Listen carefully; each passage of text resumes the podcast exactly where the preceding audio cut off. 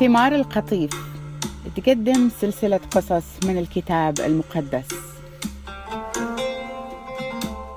وسكن يوسف أبوه وأخوته في مصر وعطاهم أرض ملكهم في منطقة جاسان. زي ما قال لفرعون والمنطقة معروفة بعد باسم رعمسيس وعطى أبوه وأخوته أكل بيت بيت على حسب عدد أولادهم.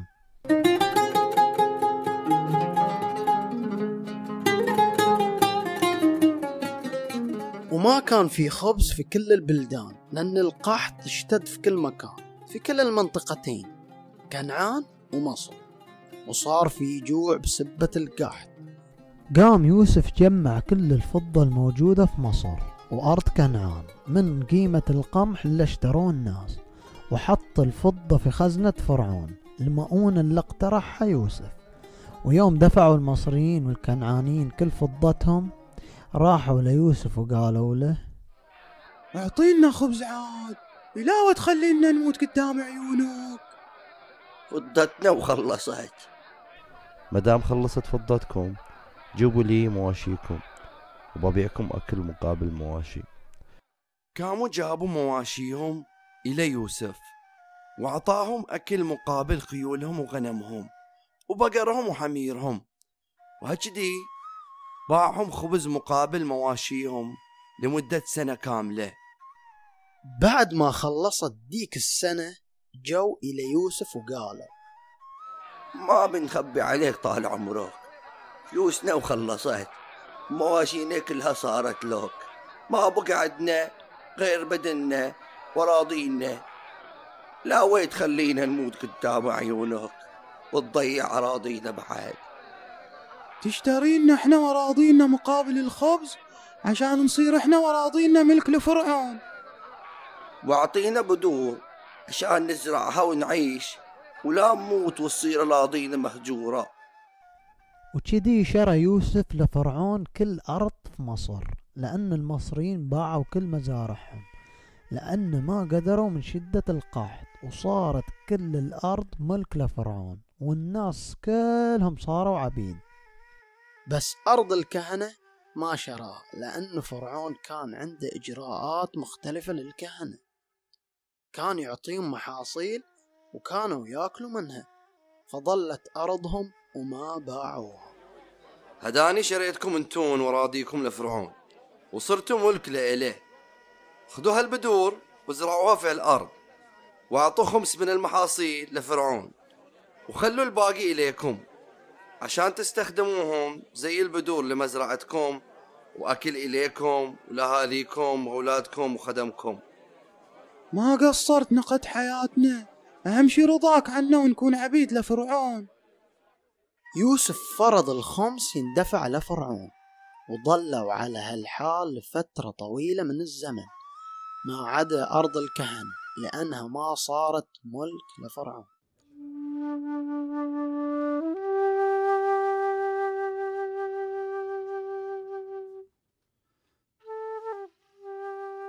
قاموا سكنوا بني يعقوب في مصر في منطقة جاسان وصار عندهم أملاك هناك. واستقروا وجابوا أولاد. وعاش يعقوب في مصر سبعة عشر سنة.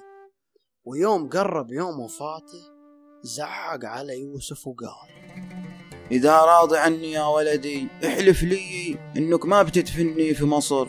خذني وادفني قريب من أجدادي. ولا يهمك أبوي. يلا احلف لي. وحلف ليوسف وقام يعقوب مسك عكازه وركع يشكر الله. وبعد فترة وصل خبر ليوسف إن أبوه مريض.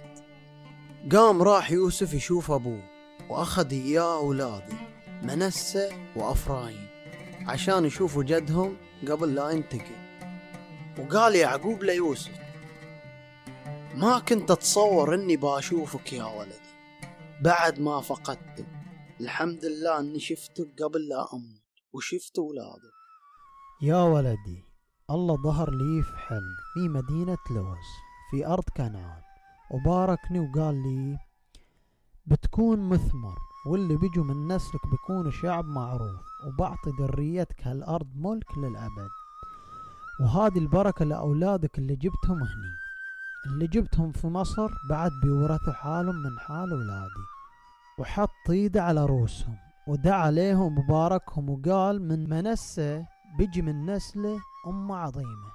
ولكن أخوه الصغير أفرايم بيجي من نسل شعوب أعظم وأكبر من الكبير.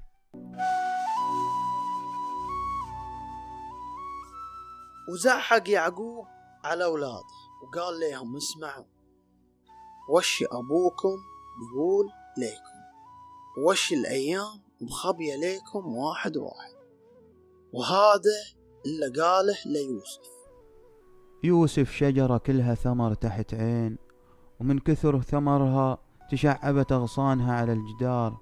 صحيح انهجم عليه بوحشية وأعداء رمت عليه سهام بس قوسة ظل قوي وإيده تمكنت وتقوت بقوة إيد القدير. الراعي صخر بني إسرائيل لأن رب أبوه يعقوب غمر ببركات من فوق لتحته وفتح الرحم لنسل وسلالة عظيمة. بفضل إله أبوك اللي يعينك. بركات أبوك أعظم من بركات الجبال القديمة أعظم من كل كنوز التلال العتيقة.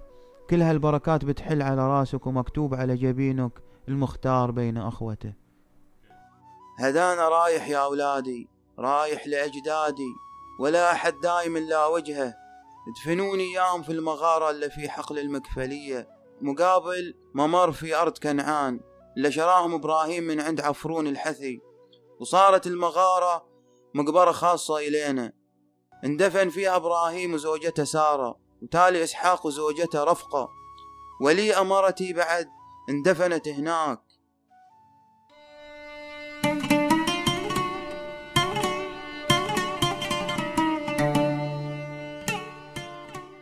بعد ما خلص يعقوب وصيته لأولاده تمدد على السرير وتنفس أنفاسه الأخيرة وراح إي أجداده اللي راحوا. وقام يوسف رمى نفسه على أبوه وقام يحبب فيه وهو يصير. وعاش يعقوب سلام الله عليه 147 سنة. وتولى يوسف إجراءات دفن أبوه والمصريين عندهم عادة. يحنطوا الميت. فقام طلب منهم انهم يحنطوا أبوه وأخذ منهم التحنيط أربعين يوم كعادتهم. وسووا إله ولاده سبعين يوم عزاء والمصريين كانوا موجودين إياه. حزنوا على يعقوب وصار حداد طول ديك الفترة. يوم خلص الحداد قال يوسف للمستشارين عندي لكم طلب إذا لي خاطر عندكم. كلموا يا فرعون وقولوا إليه أبوي حلفني وقال أيامي قليلة وداني بموت. دفني في القبر اللي حفرت لنفسي في كنعان. فاسمحوا لي أروح أدفن أبوي وأرجع. فقال فرعون للمستشارين قولوا ليوسف روح ادفن أبوك زي ما حلفك. وراح يوسف يدفن أبوه. زي ما وصاه وراح وياه حاشية فرعون وكبارية القصر ومستشارينه ووزراء مصر. وطبعا كل بيت يوسف راحوا وأخوته وبيت أبوه. الكل راح ما عدا الجهال والغنم والبقر. خلوهم في جاسان. وحشد كبير لحقهم بعربات وأحصنة. وكان العدد ضخم. وبعد فترة وقفوا في منطقة زراعية. اسمها بيدر أطاد منطقة قريبة من نهر الأردن قاموا حزنوا كلهم عليه وصار صياح ونياح بصوت عالي. وقام يوسف سوى سبع أيام عزاء لأبوه في أرض كنعان. ويوم سمعوا الكنعانيين لصياح والنياح استغربوا وقالوا وش مجمع المصريين عندنا هني بصياحهم ونياحهم؟ وتالي المنطقة صارت معروفة باسم أبو المصريين ومعناها مناحة المصريين. وقاموا وأخذوا جثة أبوهم وودوها كنعان ودفنوه هناك. في المغارة اللي في مزرعة المكفلية زي ما وصاهم. وهذه المغارة شراها إبراهيم جد يعقوب عشان تكون مقبرة إلى العائلة. واندفن هو فيه والمغارة في ذيك الأيام زي المقبرة وقتنا الحال. ويوم دفن يوسف أبوه رجع مصر هو وأخوته وكل اللي راحوا وياه للدفن.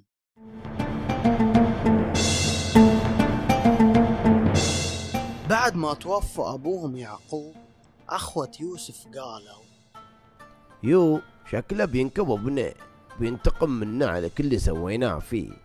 خلينا نلحق على عمرنا ونوصل إلى الكلام ونقول ترى أبوك وصاك علينا قبل ما يموت. وقال قولوا ليوسف هالكلام؟ سامح أخوتك على اللي سووه فيك. هم ما سووه فيك فعل. أرجوك سامح عبيدوك عشان خاطر أبوك وإله أجدادنا. يوم وصل الكلام قام يصيح. وقاموا وراحوا له ونزلوا عند رجوله وترجوه وقالوا عاد أخونا سامحنا على اللي سويناه فيك. هذا إحنا عندك اعتبرنا عبيد عندك لا تخاف أخوتي شيئنا الله. أنتو نويتوا تسووا فيني شر والله قصد بيه خير. عشان يسوي اللي سواه اليوم. وخلص نفوس واجد من الجوع والهلاك. لا تخافوا أنا بهتم فيكم أنتون وأولادكم.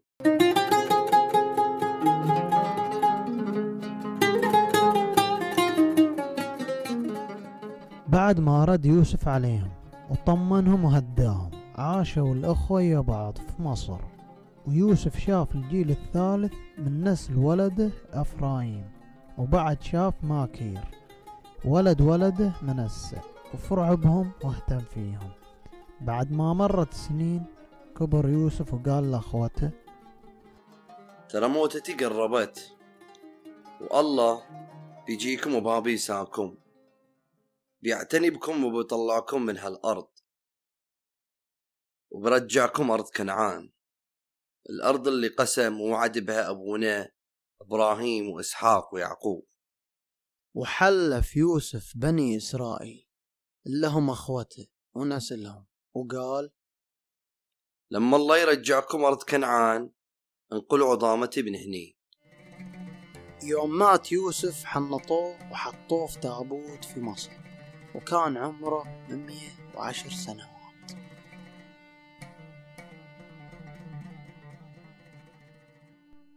وش رأيكم في هالقصة يا غناتي؟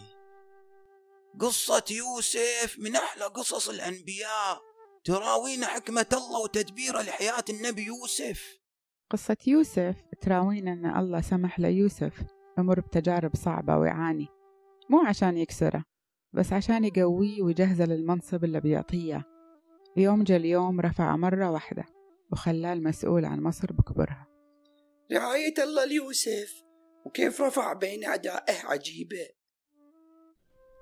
إذا قويتوا علاقتكم بالله وتقربتوا منه يتقرب منكم وتشوفوا رعايته واهتمامه فيكم حتى في الأمور الصغيرة. قصة يوسف رمز لمجيء السيد المسيح وكيف هو كان مختار من قبل الله لخطة عظيمة مدبرنها من الأزل. راح أقصها عليكم في الأيام الجاية.